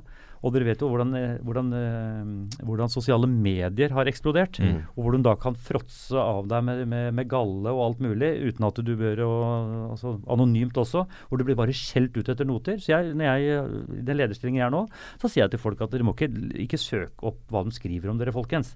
Jeg kan være med å evaluere om vi gjør en god eller dårlig jobb, men, hør- men hør nå her. For det er, skal du begynne å lese det, da kan du henge opp igjen en eller annen sånn uh, tau eh, ganske snart. Altså, for det, der er det mye rart. Jeg møtte for øvrig. Davy Vatne på Ullevål uh, under den cupfinalen. For da var jeg på vei ned mot garderobene på stillingen 3-0. Ja. Og så skåra Stabæk til 3-1. Og det var, Da var det ti minutter kvarter igjen, tror jeg. Da smalt det fra David. Ja, det her blir 3-3, og så vinner Stabæk i ekstraomgangene. Var helt overbevist at nå Det rakner fordi Nå han- Han elsker jo å si det! Det Ja, er men det var ikke det mer, er vi skal ikke glemme, vi hadde det i bakho bakhodet, flaket det enn to uker tidligere hvor vi tapte 6-2 på Nadderud stadion. Og de sikra Ja. seg eh, De har lagd en jævla sang på det. 6-2, 6-2. Du har jo vært sjef der òg, du. jeg har vært sjef der òg. Det er godt han uh, fikk si festa det, fra seg litt. si det, der du jobber Du kan godt si Håvard, at du aldri kunne blitt glad i Lillestrøm eller Rosenborg, men det hadde du gjort, hadde du fått en jobb der. Det er Så enkelt er det bare. Ja. Der du er, så blir du glad i den klubben hvis du har litt følelse for det. Så du kunne blitt glad i Mjøndalen òg, du. Det er jeg sikker på. Vi har spurt deg før. dette, dette er bare rør. La oss gå videre. Hvor det kommer fra. Men dette er landslaget til eh, Én Lars Lagerbäck, eh, Håvard. Én Lars Lagerbäck. Det er ikke lov å si det. Nei, nei det, det har vi innført regel på. Uh, jeg vet ikke om du har fått med deg det, men at det finnes jo både trenere og eksperter som sier sånn Ja, vi har jo én Mats Møller Dæhlie og én Martin Ødegaard. Det er ikke lov. Vi har Er du enig? Jeg, sy- jeg syns det er bare så språklig Det er akkurat som Men du gjør både sånn språklig sett, syns jeg det er helt ræva, Ja. og, og sånn rar fotballterminologi som har dukket opp, jeg veit ikke hvordan.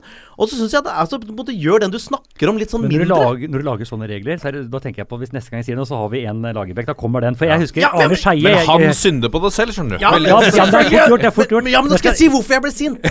For det er fordi at jeg føler at du gjør den du snakker om, til noe mindre. Ja. Til liksom bare en brikke, og ikke et menneske. Ja. Men det er sant, nå kan du si Ja, når jeg skulle si Når jeg jobba sammen med Arne Skeie og kommenterte hopprenn, så har han en offisiell tellemåte.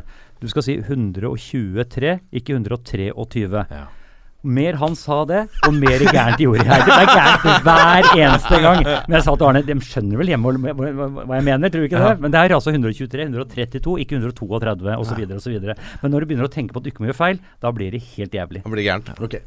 Men uh, denne troppen Ja, uh, Lars Lagerbäck sin første landslagstropp. ja. Det blir veldig spennende. Og Det kommer om en to ukers tid. Ja. ja. Eh, og det jeg lurer på er så kommer det noen Jeg håper det liksom kommer noen overraskelser. Det var jo, Vi var jo vært inne på Kan jeg si hvor den kampen skal sendes hen? 26. mars. Den sendes på Eurosport Norge. Denne podkasten er sponset av uh, Eurosport. Discovery Network Norway. Discovery Network Norway.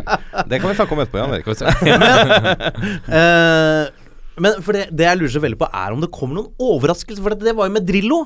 Så var det veldig mye sånn Jøss, har han tatt med han? Når han tok uh, gamle Eller uh, Jostein inn i landslagsfarmen igjen, så tenkte jo alle Hæ, hva skal han med han? Og så viste det seg at han hadde tenkt, og han hadde jo flere av den type Han Eh, henta noen som hadde ekstreme spisskompetanse på enkelte områder. Ikke var rask, men han var god på hatten, ikke sant? Og tok henne med pga. det. Og, og skapte mye, mye på det. raskere enn folk tror. Ja, det er det sikkert. Ja. Men, men, men han var ikke noe, var ikke lynkjapp. Det er enig det er enig. Nei. Men det kom vel, det kom vel en overraskelse i, eh, mot dette landslagsuttaket i forrige uke, da landslagskaptein eh, Per Siljan Skjelbred bestemte seg for å takke nei til videre spill for Norge. Ja. Det var vel eh, ja, For meg så var det en bombe, i hvert fall. Ja. At han takka nei til det. Hadde han takka nei, hadde han ikke fått så mye dritt fra norsk medie. Ja, det er vanskelig å si. Eh, men, Da vel men- Markus Henriksen takka nei for lenge siden. Ja, det burde han gjort. Men, er men det er mye- han er mye yngre. Men altså, jeg bare tenker på Jeg ser jo veldig mye, for vi har jo, vi har jo rettigheten til Bundesliga, så jeg ser mye på Herta. Ja. Og hvilken posisjon Per Siljan har i den klubben, og ikke minst Rune Almenning nå, da, Mm. Jarstein. Det er jo helt fantastisk å se. Og liksom når du da, som er landslagskaptein, og det der, det er litt sånn ydmykende når du er landslagskaptein og blir tatt ut eh, Jeg leste et eller annet sted at han ble tatt ut 70-80% av kampene, så han ble tatt av banen. Ja, det er- kaptein, og det, det, det skjer nesten aldri. At skal kaptein blir ikke tatt skje, av. vet du. Du ser uh, Zlatan har vært på Paris, som ikke han har løpt en meter, så er han på banen til du er ferdig. Så jeg, jeg tror nok det har vært ganske tungt for per Siljan. Og nå sier han at han skal konsentrere seg om, uh, kun om, om klubblaget. Men klart, jeg som har vært i i skimiljø og vet hvor mye det reises og en langrennsløper ligger oppe på en bre og snapper etter røde blodlegemer i tre måneder holdt jeg på å si, og får seg en Kvikk Lunsj liksom, er borte fra alt og alle. Og her er det en som ikke vil reise mer. Eh, og hvor mye reising er det på et landslag? Det er ikke veldig mye. Altså. Så jeg syns det er veldig trist, for han er en, er en god fotballspiller og en herlig personlighet. Og så er det jo ikke Men han er jo også en fyr Han har jo ikke, han har jo ikke lyktes på landslaget. Unnskyld, jeg avbrøt. Ja, nei, det er helt brukt feil. Ja, det, det er helt nettopp det er poenget mitt. Altså, Den kritikken som har vært mot Skjelbred, har jo vært mye mer mot Høgmos bruk av han. Mm. Altså bruke Skjelbred, som er så god sentralt på midtbanen i Bundesliga, som er en fantastisk god uh, fotballiga, og han spiller på et lag ganske høyt opp òg, Mm. og så blir han dytta ut på høyrekanten. Han bør spille sentralt, og jeg tror han hadde vært perfekt i en sånn sentral treer uh, under Lagerbäck. Med den altså, spilletypen Per eh, Skjelbred tror jeg hadde vært uh, stor for, uh, for Lagerbäck. Jeg føler at hvis eh, Lars tar en telefon ned dit om eh, kanskje noen måneder, da etter å ha fått det litt på avstand, og sier at du skal få spille sentralt, Ja. så kommer han jeg håper det. Jeg syns Skjelbred er en, en meget uh, habil Han har jo vært lei på slutten. Uttalelsen Ja, ja, og alt har jo ja. tydet Men vi har ikke flere gode fotballspillere at du trenger dem vi har. Vi trenger alt- sånn. Alle Der er Per Siljan åpenbart en som vi burde hatt med på Helt landslaget. klart. Helt klart. Men det var jo vår landslagskaptein. Har vi noen tanker om hvem som skal ta over det bindet? Jeg, jeg tror fort eh, det faller på armen til en Stefan Johansen, som har begynt å Der sa du en eh, En Stefan Johansen. Ja, der sa jeg det! Ja, Ja, Der ser det du. For det si. nå har vi snakka om det. Ja. Jeg tror det eh, enten faller på armen til Stefan Johansen, som har levert bra i uh, Fulheim nå. Ja. Eh, alternativt så kan jo Per Siljans lagkamerat i Hertha Berlin, Rune Jarstein, få det, tror jeg. Ja. For det, akkurat nå så er det ikke noe tvil om hvem som er landslagskeeper, mener jeg. Nei. Det er Rune Jarstein. Han spiller fast i Bundesliga. Vi har ingen andre keepere som er i nærheten akkurat nå. Men Nyland er jo på benk. Nyland er på Han benk. spiller ikke bare fast, men han spiller fantastisk godt. Han Ja. spiller veldig godt og har eh, hatt en renessanse som fotballspiller og nesten virker som person òg. Og omtales som en rolig og sint. Ja, ja. Altså, det er en helt annen type. Og det er en bra rolle, tror jeg, å ha eh, kapteinen på. Han har oversikten bak der, og han skal være bindeleddet mot de framover. Så jeg, jeg tror f.eks. at Rune Jarstein kan være et godt alternativ. Mm. Eller da Stefan Johansen. Ja, Stefan Johansen står jo litt for det dyriske og, og, Ja. og løpe til hans sprekker. Ja, Stefan har jo hatt Har jo veldig bra stats for Fulham. Uh, putta noe i helga nå, selv Ja. om eh, resultatene Nei, nei, rapportene Jeg så ikke kampen, men rapporten tilsier at han ikke var sånn kjempegod i den kampen. Han har vært god At- lenge nå, da. Ja, Så- og han har hatt en eh, litt sånn fallende kurve Ja nå, men han har vært Men det kjempebra. hadde, det, men det hadde han jo på landslaget også på slutten. Var ikke så god der heller. Sånn som vi, vi huska han et år her. Og ja. Og har nå jobba jævlig hardt etter overgangen Imponerende. Imponerende. Kommet tilbake og er blant de, de som ble tatt ut sikkert først på laget til Fulham. Mm. Så det er gøy Ja, å se at han er tilbake igjen. Veldig bra. Han er en veldig god fotballspiller. Og vi trenger han. Han, har liksom, han er litt sånn unorsk i, i presset sitt ikke sant? og løper og takler. Ikke tøffe gutten, eller når jeg sier tøffe, mener jeg ikke store, kraftige gutten, men dæven han går i dueller, altså. ja, ja, ja, og det eh, trenger vi åpenbart at vi trenger. Håper Fulheim rykker opp, da. Men, men det jeg har lyst til å snakke litt om når det gjelder uh, Lagerbäck uttaket at det, Er det sånn at han vil f.eks. Uh, hvis, eh, hvis King da på en måte ikke løper nok vil han da ditche King, selv om King har jo åpenbare ekstremferdigheter? Vil Joshua King jage enda mer, løpe, legge ned mer meter? Jeg syns den, den type Det er interessante diskusjoner nå. Absolutt. Jeg Kom, det kommer litt an på hvilken spi, eh, stil Lagerbäck ønsker å legge opp til. Hvis Ja. han skal ha to spisser som skal jobbe der for å nekte eh, eh, altså motstanderlaget komme for høyt i banen og så spille opp, ikke Ja. sant, komme inn bak oss, så må han ha noen som jakter og løper veldig mye. Og da må enten eh, King eller om det er en Diomande eller hva det måtte være, da må de legge om spillet sitt litt, og så må de løpe mye mer defensivt enn de gjør kanskje i dag. Så så enkelt er det. Og Lagerbäck, de spillerne, hvis du så på Island, dem løp. Bare så det er sagt. Ja, ja. Ja, ja, de løper, og da har vi jo ikke sant? Da har vi jo to spisser som, eh, som spiller i sånn litt dårligere ligaer, da. Med, med, med Sødlund i, i Frankrike. Og så har vi jo også Ola Kamara. Ola Kamara, som jo spiller i MLS, som er jo en dårlig liga, men han har kjempestats! Ja. Han, Kommer, det- kommer det ofte sånne gamle Strømskose-spillere opp i den? Det hender. Vi er innom eh, noen Martin Ødegaard og sånn alltid. Ola eh, eh, seriemester eh, 2013, han han, han putter og putter borti Amerika. Ja, så, så jeg tenker at det, det kunne vært spennende. Ja. Klart det kunne vært spennende. Det... Og han, og han starter jo på alt. For at Ola er jo ikke en perfekt uh, fotballspiller. Ola kan eh, eh, noen ganger brenne litt for mange sjanser. I hvert fall, det er, det er mulig at han har blitt enda mer klinisk nå uh, i, i Colombia, men Nei, nei hva er, hvor, Columbus Crew. Ja, Columbus Ja. Crew. Unnskyld. Eh, men, eh, men han jager jo på alt. Hvis vi setter oss litt i hodet på ikke én Lagerbäck nå, men Lagerbäck, så vil jeg tro at han er utrolig lei seg, litt skuffa at ikke han har en, en privatlandskamp før den eh, første kampen Ja, sin mot det mot Nord-Irland. For det har gått lang periode. Jeg, kunne godt, jeg tror han kunne godt tenke seg å teste en del varianter nå. For han ser videoer, reiser rundt og ser, men det er noe helt annet når du får, får dem på nært hold, og hvordan de responderer på måten han prater på, og måten han vil ha dette fram. Han får bruke treningene godt, og så får han tenke at uh, som alle andre sier, det er jo strengt tatt 16 måneder til neste kamp som betyr noe. Hvis vi ser åssen kvaliken har starta. Så han får bruke det til, til å finne, finne gjengen sin. Men apropos, eh, apropos eks-SIF-spillere eh, som, som gjør det bra i, i ligaer som ikke er de aller, aller beste, men likevel gode ligaer. Så har vi jo Gustav Walsvik, har begynt å, å starte nå for, eh, for eh, Eintracht Braunschweig. Og eh, de holdt, han holdt jo De slapp jo ikke De slapp igjen null mål forrige kamp. Eh, og Iver Fossum spiller jo fast på et lag som jager opprykk. Uh, Iver Fossum, som uh, var den spilleren som de kampene han fikk spille for da nesten nedrykksklare Hannover når han kom over, var den som løp mest i hele bonusligaen. Ja, Det er helt rått. Mm. Ja. Det er helt rått. Og så har du jo i høll, da, uh, må jeg nevne Omar El Abdullawi, som virker å ha tatt nivået i Premier League sånn tålelig godt. Og gjør det bra. i- Det er en wingback-rolle da i Hull. De spiller 3-5-2, Ja. men uh, han er vel en sånn åpenbar eh, kandidat på høyrebekken til Norge, vil jeg tro. Selv om selvfølgelig Jonas Svensson eh, banker på den døra. Nei, jeg mener, Når han er skadefri, Mm, så er det ikke noe tvil om at. Omar skal spille. Så, Nå fikk Jonas Svensson sin debut nå i helga, med Ja. bytta ut med, med skade. Men du, nå har vi hørt på han i Rosenborg i, i ti år. Mm. Har han noen gang vært skada? Så kommer han dit så er han skada. Så er ikke han en sånn maskin som Jo, er jo, på banen hele tida. skada, vet du. Det er rart. Det er rart, det der. Han er maskin. Johan han er, han er maskin. Sats på at det ikke er så alvorlig, da. Vi trenger alle gode, som du sier, eh, Jan Erik. eh, Til å være Apropos. Ja. Sander Berge var eh, Han også er i, i form nå. Han var Gangs nest beste spiller i forrige helg, og nå spilte han igjen hele, hele matchen. Da- Det er en spiller med stor motor, vet du. Og det Sander Berge har, er jo at han har det der drivet. Han er en sånn fyr som kan han, Når han var på sitt beste i Vålerenga, så var han jo fantastisk til at han liksom kunne liksom ta av en mann nærmest i mottaket.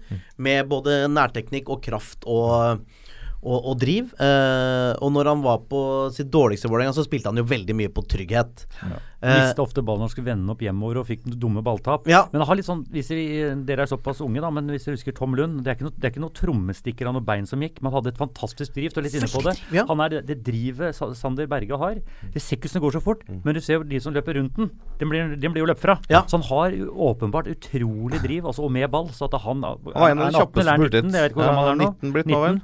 Tror jeg kommer til å bli en fantastisk god er fotballspiller. Og så er det vel blitt mer og mer at det kanskje er stoppeplassen som blir eh, plassen hans etter hvert. Ja, mulig. I, eh, Imponerte i Belgia, England, men, eh, Nei da, men i Belgia spiller han jo fortsatt midtbane. Ja. Eh, men han var en av de kjappeste på hurtighetstest i Vålerenga. Eh, og i den europacupkampen de spilte her nå forrige uke, hvor de uh, tok seg videre til neste runde, da ble han kåra av supporterne til banens beste. men hvorfor Så tror du han blir stoppet? Tror du ikke han dekker nok meter som midtbanespiller? Nei, altså, du, har det der Jo, jeg tror han dekker nok meter. Men du har det der at det, den friksjonen med, med, med, med forflytninga. Men eh, de- han har åpenbart et veldig bra fotballhue. Ja, ja.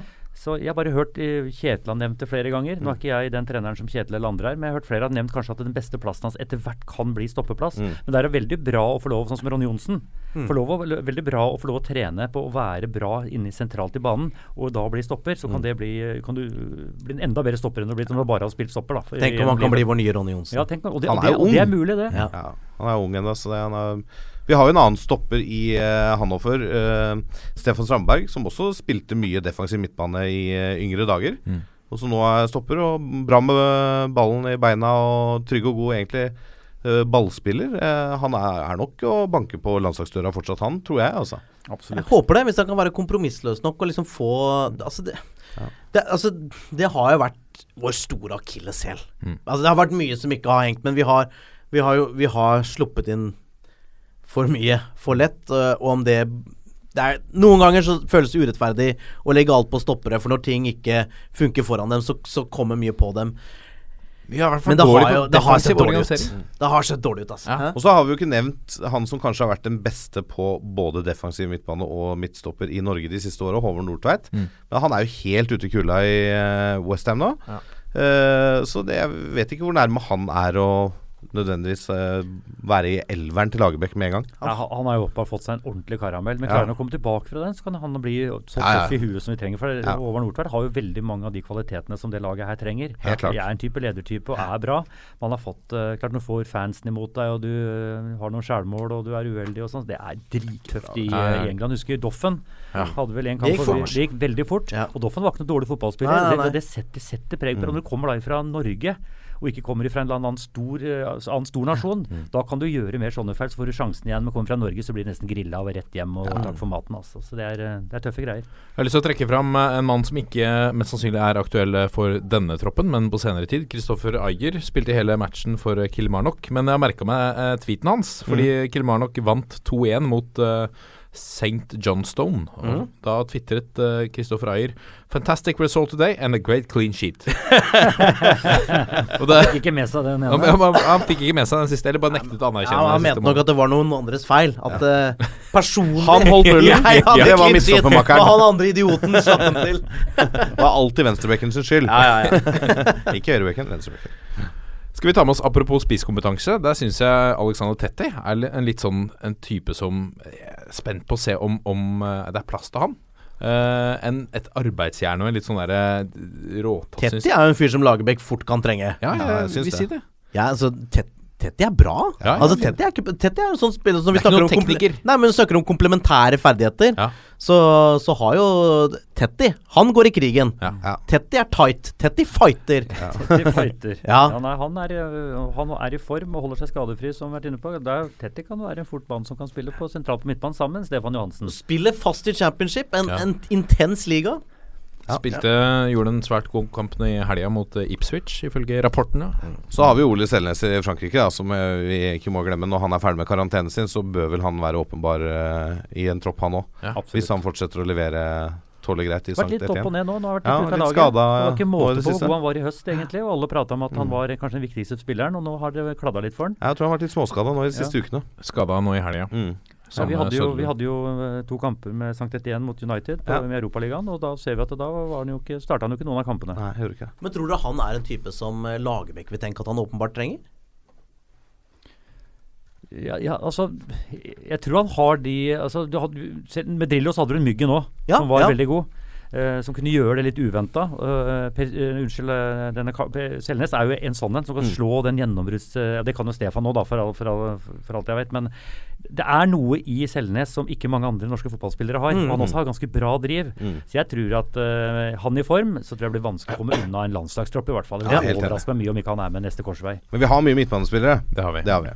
En mann som er i strålende form, er Moi Elonussi, som spilte hele kampen og hadde to assist for eh, Forrige helg. Og Denne helga så var det en eh, ny assist og 81 minutter. Han er eh, fast solid etter at vi har snakket om det tidligere. Birke Bjarnason forlot klubben, så Ja.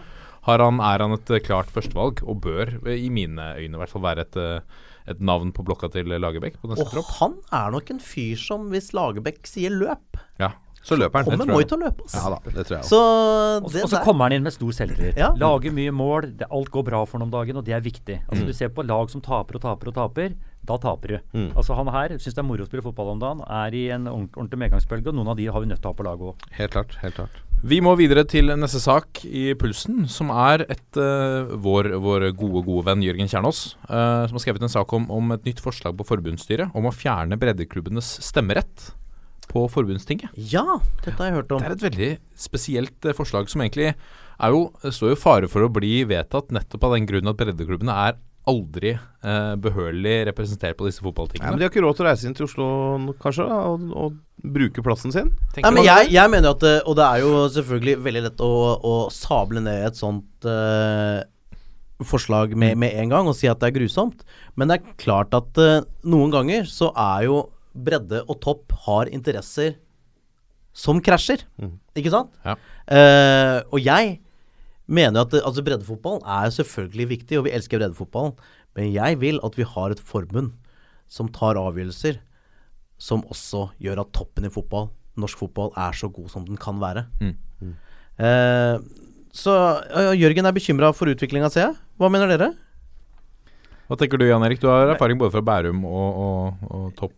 Ja, Bærum var jo ikke akkurat en toppklubb da. Det var jo andredivisjon opp i Adeccoligaen, riktignok. Mm. Eller ja, nå Obos. Men klart at det er Tredjedivisjon og nedover er det, det det er, altså. som, det er som du sier, hvis de manner seg opp og kommer mannsterke på ting, så kan de jo nesten sånn som vi sa med Vålerenga og klanen. Hvis de, når det kommer medlemsmøte, så kan de kuppe alle sammen. Mm. Eh, det, jeg tror ikke de ønsker å gjøre det. Men eh, det er litt synd at de skal bli borte også. At de har en stemme. Det er en viktig stemme.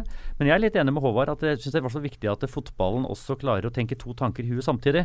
Ja, bredden er viktig. Bredden skaper topp, men topp er også viktig for bredden. Altså Vi må ha noe til å se opp til. Vi må ha, vi må, vi må ha en norsk eh, serie på toppen som er bra, som vi gleder oss over, og gjerne et topp, topp landslag. Med det kommer også bredden. Mm. Det er det flere som ønsker å holde på med det. Hvorfor tror du at det er en boom der ute med håndballen og på herresida? Jo, for herrene gjør det bra. De vinner håndballkamper. Det er stor fokus, det er mye glede. Så det må vi også få til på fotballen. Da får du bredde. Du får mye. Om de skal være på ting eller ikke, ja, det får andre ta seg av. Men i hvert fall, de må ta vare på toppen og legge forholdene til, eh, til rette for at de norske klubber skal lykkes.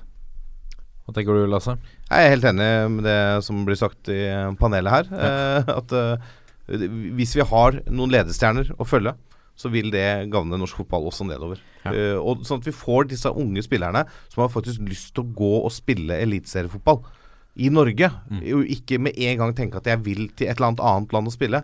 De skal, det skal være et naturlig steg å gå fra breddeklubben din til en toppklubb i Norge, og så eventuelt ut.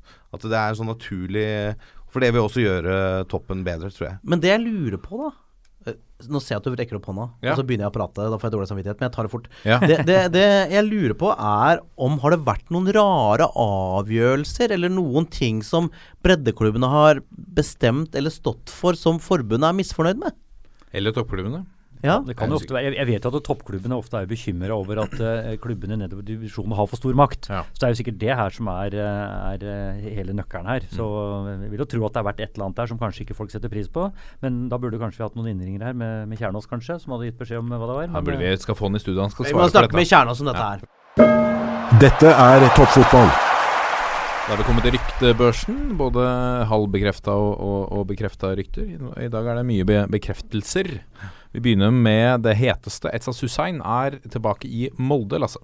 Ja, det er jo en uh, solid signering av uh, Molde, som har vel virka å miste litt av det trøkket de hadde for noen år tilbake, og kanskje uh, mangler litt eh, de klare enerne på, på banen der. Etsas har vært god i Molde før. Uh, Vært ute en liten tur nå i Tyrkia. Så, um, Sivaspor. Sivaspor, ja. Fått noen kamper der. Men jeg tror det Nå kommer han tilbake til trygge rammer. Kommer tilbake til Solskjær, som kjenner han godt. Uh, Etsas Hussein kommer til å levere varene for Molde i eh, 2017. Det er helt overbevist om. Mann for Lagerbäck på sikt, Håvard? Ja, det er jeg ikke sikker på. Ja, du mener jo så mye. Ja, det- men, Men? Ja, ja, ja. Om, til å mente jeg, jeg tror ikke Etsas Hussein kommer til å dominere midtbanen til det norske landslaget. Jeg svarer nei på det. Okay. Og så vil jeg si i forlengelsen Så vil jeg si at det kommende sesong ekstremt viktig for Ole Gunnar Solskjær. Ja. Altså, han er Altså, de, de sparka jo Skullerud. Eh, og det gjorde vi litt fordi at de skjønte at eh, de hadde Da følte jeg Da dansa Ole Gunnar. Da var det han Da visste de at de kunne få han igjen. Så fikk de inn på en måte sin egen mann Ole Gunnar Solskjær. Fjorårssesongen meget svak. Dette er en veldig viktig sesong for Ole Gunnar ja, Solskjær. ikke, han ja, må ikke bare levere. for han og klubben i Molde, men han for fremtida si også. For han sin vil- egen fremtid, ja. ja. Han vil gjerne ut igjen, ikke sant. Så Ole Gunnar har jo et, et sterkt navn overalt i hele verden. Ja. Altså Alle kjenner Ole Gunnar. Men Cardiff-tida hans var jo ikke så veldig oppløftende. Og så klart han fikk en liten en nå på Molde. Men at han kan uh, komme tilbake og vinne seriemesterskapet i, i konkurranse med Rosenborg, med Molde, med et godt mannskap, det, det kan han gjøre, selvfølgelig. Og en signering av dag, hvis det er signert, er en, hvis han får til uh, han, så er det en veldig bra spiller. Men Harmet Singh, øh, når han først er på ryktebøl, er, han fortsatt i Molde? Eh, Nei, han ja er- han nei, er ikke noe sted. Han har, han har ikke en kontrakt, eh, så han er eh, bossmann. Han er fristilt. eh, Ikke Ja, er det for at ikke. Molde vil ha han, eller? Det er, er vel noe snakk om noen lønnsforhandlinger der. Ja, okay. så, og så er vel også Harmet litt der at han ønsker å gjøre noe annet, eh, har jeg fått inntrykk av på de Enn å spille fotball? Nei, enn å spille i Molde. Han vil nok spille. Uh, men, Men, men, eh, jeg ser jo også for meg at hvis ikke det blir noe annet Er det sånn med han og Forhen for øyeblikket? Ja, forrige nå er jo i samme situasjon. Ikke sant? Står uten kontrakt og trener litt på underlag. Og det er veldig rart når du kommer inn i mars da og ikke har klubb. Du pleier å si fra at uh, når du bytter jobb også, pleier du, hvis du har lyst til å bytte jobb, så pleier du å liksom ha en å gå til. Ja, for eksempel. Vegard Forhen så handler det, det handler, Med Vegard Forhen så handler det om at tror jeg at litt at han spekulerer både for en OK klubb og både få en fin sign-on. sign-on-fee. Ja, ja, uh, fordi han vil ha cashen, liksom. han jo tjent Han ser sikkert for seg kanskje denne den siste sånn gode kontrakten jeg skriver, og så vil han ha med seg penger Er inn. Forhen på sitt beste veldig god fotballspiller, men klarer Forhen nå, uten å være i Molde, klarer han å holde seg i form til at han blir attraktiv for en ny Han trener med Molde.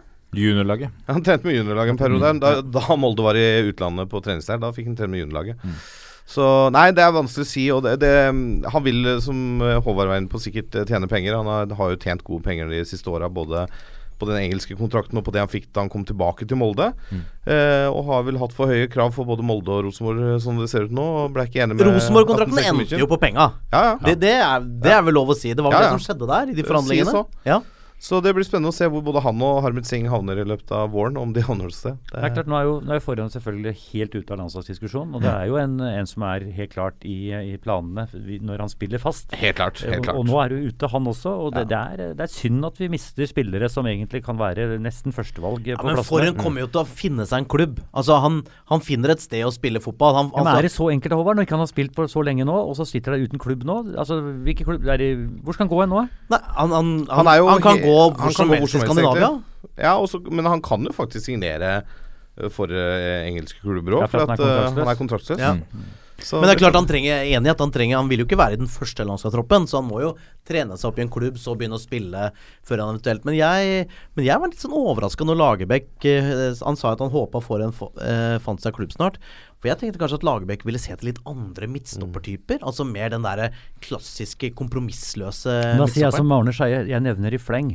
Det er liksom ikke så mye, mange du har å ta da på det nivået der. Nei, Du nei, ha ikke noen så som har vært der har, har vært på det nivået tidligere. Nei, det er vel bare Valsvik som ligger bak, da. Tidligere Strømskose. Tidligere Strømskose. Vi må, vi må videre, mine herrer. Ja, ja, ja, jeg er Vi har en annen nordmann som har vendt tilbake til et utenlandsopphold. Bård Finne. Ja, det Er var mange som Nå ble folk forbanna! Ja, det er så gøy. Bergenserne ble rasende. Ja, ja, og det er jo Og det viser jo at det dummeste du, du sier i fotballen, er at jeg skal aldri spille eller trene noen annen norsk klubb enn den klubben jeg nå forlater. Du må aldri høre på hva en agent sier, uansett hva han uttaler. Det var agenten som sa Det det. var agenten som sa det, det var ja. ikke Bård Finne som sa det selv. Det kom fra agenten sin munn, og det må du alltid ta med en god klype salt. Jeg likte hvordan, uh, hvordan Brann svarte. At eh, Stig Lillejord var ute her og sa at Brann har ikke vært på ballen. De har ikke vært uh, og kontakta meg for å signere Bård Finne. Og da svarte Brann og sa at det er vel første gang i historien at Stig Lillejord ikke har ringt de for å tilby en spiller. så, så det, det, men det, her, er er det er så klassisk, da. For at det her, ikke sant Brann må spille det litt sånn indignerte kortet her. For at de må eh, tekke sine egne supportere. De må fortelle at eh, Ja, vi har ikke hørt noe om det. Det, det blir sånn der ord mot ord hele veien her. ja. Jeg var sånn umiddelbar eh, ryggmargsrefleks da jeg så at han var signert. Var sånn eh, Ok, nok en sånn utenlandsproff som ikke har lykkes helt, som skal hjem og finne formen i Vålerenga. Ja. Trodde det var lån først. er fire år, ok, det er bra da. Så kan han i hvert fall hjem og satse. Men så begynner reaksjonene fra Bergen å komme. Da Og blir det, du glad. Ja. da, ja, da tenker jeg det, da, må det det være, ja, da må det være noe med den spilleren her som jeg ikke kjenner helt ærlig så godt sjøl. Det er Eh, tøft når det har vært nærmeste nabo til Brann stadion, og, Ja, ja. og, er og så plutselig havner du i Vålerenga. Det er mange som ikke liker det så godt. Nei, Da. nei, selvfølgelig. selvfølgelig Sånn skal det være. Det, Sånn skal det altså, være. Men ikke de sant, følelsene skal vi Brann har jo eh, en rad med tidligere Men du, Vålerenga-spillere når nå. Kjartansson kom til klubben, Aha. var du sikker på at han skulle bøtte inn mål for Vålerenga? Nei, det. Jeg hadde jo sett den i en treningskamp eh, oppe på Nordkisa, da han skåra tre mål eh, mot et tredjedivisjonslag. Og Så fortsatt ikke helt sikker. Nei, du ser, ser jo at det er målskårer, Ja. men du er jo litt usikker, da. Og det, og det er jo alltid det er sånn hvis ikke du er så tett på det sjøl lenger, da, som jeg ikke er lenger, så, så blir det jo litt sånn Ja, hva, hva får vi av den spilleren her? Men så treffer du av og til, da. Og så, da så var en kar på Twitter, en bergenser, åpenbart, som la ut. Han synda mot vår eh, kjøreregel. Eh, artig at én, Bård Finne, i en alder av 22 år, går inn i historien som en av tidenes mest avskyelige Brannspillere. ja, Det er så deilig å si når han Der er har vært på liksom borte fra klubben i tre-fire år. Han er Ja. 22 år gammel. Han er jo ikke en noen legende. brannlegende. 31 kamper og 15 mål for Brann. Du er ikke noen legende da. Nei, man, det, det, det, stats, jeg, jeg tipper at det som gjør de Hvis jeg skal sette meg litt i deres sko, da. Så, eh, så er de nok eh, Fordi han på en måte Han, han gikk jo liksom med én gang. Mm. Han begynte å gjøre det litt bra, så gikk han ut. Det var ikke som Torstein Helstad. Men dette er jo en av grunnene til at vi kjøper rettigheter. Det er et helvetes engasjement der Ja. ute. Folk bryr seg. Folk være mener noe. Det er det som er morsomt. Ja, fantastisk. Nei, Det blir spennende å se hva han eh, kan levere på Oslo øst. Ja, jeg er jeg liker ofte det også å hente spillere som kommer fra Hvis jeg snakker ut fra den klubben jeg holder med, da. Når, man henter spillere som ikke har hatt et helt heldig sånn eh, eh, utenlandsopphold, unnskyld, så kommer de ofte inn med en egen energi. eh, fordi de har så lyst til å lykkes igjen. Eh, så jeg, jeg er alltid positiv til de signeringene. jeg. Ja. Sarpsborg 08 og eh, sportsdirektør Thomas Berntsen, som vi har snakket med på telefon, de har vært ute nå og signert et, etter hva rapportene sier, et senegalesisk stortalent. Eh, Krepin Diatta. Eh, han eh, har putta to uh, goller og én assist på de to siste oppkjøringskampene for Sarpsborg. Thomas Berntsen han pleier jo å treffe, han. Han pleier å treffe han. Han, er- Thomas er en av de i Norge som med all respekt til andre, men jeg tror ikke det er så mange som ser flere fotballkamper enn Thomas Berntsen. Han, Han sa det sjøl òg, faktisk. Han sa det selv også, ja. Ja. ja. Han har bra, han har bra koll, Mm. uh, følger godt med. Men det som er liksom sånn overraskende for meg, det er så mange klubber som sier at, at han vi har henta nå, han er egentlig for god for norsk fotball. Det skal jeg se først. Ja, det er det. For det, for det er en grunn til at de kommer hit og ikke andre steder. Ja, ja. Men jeg håper inderlig, for Sarpsborg har gjort veldig mye bra de siste årene. Mm. Og de har, eh, de har et lag som begynner også å puste de beste litt i ryggen. I fjor var de med i medaljekampen eh, lenge også. Det, er- det må jeg si, den jobben de har gjort der nede, med forholdsvis små kår, Mm. er uh, imponerende. Så trenes det visst eh, veldig veldig godt i klubben også. De har De et gjør eh, det tøft regime. Absolutt. Altså, det er eh, me meget fin uh, hovedtrener der òg. Geir Geir Bakke. Bakke. Fin, fin type. Ja. Solid. Lillestrøm har signert uh, Stefan Antonievic, en serber-amerikaner. eh, en 198 cm høy, så Arne Erlendsen begynner å stable i høyden her. Perfekt Ja, han har jo spilt for din, eh, din amerikanske favorittklubb, Jan Erik. Tamper Tampa Bay Rowdies. Rowdies. Om ikke det er min favorittklubb, så har jeg i hvert fall sett dem tre ganger Høy. på hjemmebane i Tampa. Eh, jeg husker at det var en høy stopper der, men jeg husker ikke at, det var at han liksom Jeg tenkte ikke at han havner hos Lillestrøm. Det tenkte jeg ikke da. Men eh, det som var spesielt med Rowdies, var jo at vi har Er det, Cole? Joe Cole? Gamle Ja. Liverpool-stjerna. Ja. Ja, han er der. Han spiller der. Så det er jo Dominerer han, eller? Nei, kanskje ikke dominerer, men du ser at han har spilt fotball før. Ja, ja. Litt kort i skittfallet, gode Ja. vendinger og lager noen mål kjapp på små flater, med mye skada selvfølgelig. da. Koser seg ned i varmen. ja. vet Ja. Han har det fint, Men altså. hva, hva tenker du om eh, Lillestrøm under Erlandsen, da? Nei, du, jeg må si at jeg eh, Jeg tror Lillestrøm kommer nok litt tilbake til røttene sine. Klassisk LSK. Ja, klassisk LSK. Det kommer til å bli, som vi snakka om, som du er veldig glad i, altså stram organisering. Gode bakover. Kommer til å bli steintøffe på dødballer. Både ikke minst eh, i offensivt og også eh, imot, med, med Kippe og alle andre der. Arne plukker det han kaller Han vil ha inn folk som har spisskompetanse. Han hevner, det kan være en som er god til å drille, han er rask, han er liksom alt mulig brukbar. Det er ikke noe for Arne. Arne skal ha noen som han ser er spisskompetanse. Enten må være drita rask, kjempegod på huet. Han, han kan til og med hente en spiller, han, som kaster lenger enn alle andre. For han har spisskompetanse på det. Han vet at det skaper noe. Så Arne han kikker etter spesielle ting. Du vet hva du får med Arne. Jeg håper at Lillestrøm uh, lykkes litt. Ikke minst i forhold til at vi må ha Det er Vålerenga-Lillestrøm. Det er lokalderby som vi skal ha. Derby lørdag med Lillestrøm og Vålerenga. Det må, det må, det må brenne litt igjen. Og det føler jeg liksom uh, Vålerenga-Deila med som uh, Deila med det berømte sitatet 'Jeg rykker heller ned enn å spille ræva fotball'. Ja. Og eh, Arne Erlandsen, som nok vil holde seg oppe for enhver pris uansett. Det kan bli nydelig oppgjør nå. Ja, det blir herlig. Det blir herlig. Apropos Lillestrøm. Fredrik Gulbrandsen går nå fra Red Bull Salzburg til en annen energidrikk eh, eh, Red Bull New York Red Bulls. Han bytter vel egentlig bare klubb i samme konsern. Ja. Det er vel sånn internleie, utlån, salg I Red Bull-konsernet. Ja. Ja, på en måte. Ja. Han eh, Det er jo en Lillestrøm-kar. eh, Tre landskamper. Kanskje han får flere under Lagerbäck. Det Jeg tenker at fantastisk å få lov å bo i New York istedenfor å bo i Salzburg, da. Ja, og jeg, det er det jeg forbinder, men det er Men ikke noe annet der. og jeg tror at Fredrik Gulbrandsen kan være en sånn fyr som amerikanerne trykker til sitt bryst. Mm. For han er jo veldig Han er sånn fyr. Han går Eller foran. bryster. Eller ja, whatever. Eh, mugger, jur eller eh, definerte brystmuskler. Hva som helst. Men eh, for han Det har har jo den der litt amerikanske innstillinga. Han dunker inn i dueller. Han, så Fredrik Gulbrandsen er en spiller med vilje. Tror han kan lykkes i Han Amerika. hadde, jeg må si, når jeg så han for første gang, om det er fire eller fem år siden, kanskje enda lenger, så har jeg bare venta på at han skal slå til ordentlig. Bli etablert, en, en av toppspissene vi har. Liten, kjapp, lavt tyngdepunkt. Enorm hurtighet. Han jobber bra, vet du. Men, ja, han, han jobber jobber knallhardt, men han blir ofte litt for ofte skada. Og Ja, det er for mye skada. ja, det er for mye skada. Litt, sånn, litt sånn Moa i Vålerenga. sant? Du, du får liksom ikke kontinuitet på trenersida der, eller på treningene. Mm. Det er synd. Og så har han aldri kanskje heller vært sånn kjempeklinisk. Han har aldri vært en sånn fantastisk Solskjær. avslutter. Nei. Men hvis en klinisk Fredrik Gulbrandsen Ja, hadde vært landslagsspiss Absolutt. Absolutt. Og med det, mine herrer, så tror jeg vi skal runde av for i dag. En måned til seriestart. Fantastisk. På Eurosport Norge, Discovery-kanalene. Det blir gøy. Vi gleder oss veldig, Jan Erik. Jan Vi sender faktura, Jan Erik. direktør Jan Erik Aalbu, takk for at du kom. Det var hyggelig. Fantastisk. Og vi avslutter som vi alltid gjør, eller? Ja, vi Ja, vi er toppfotball på. Vi er Toppfotball på Facebook, Twitter og Instagram. Gå gjerne inn og legge inn en rating, så leser vi nå på lufta. Og Håvard, Vi er en gjeng. vi er en gjeng.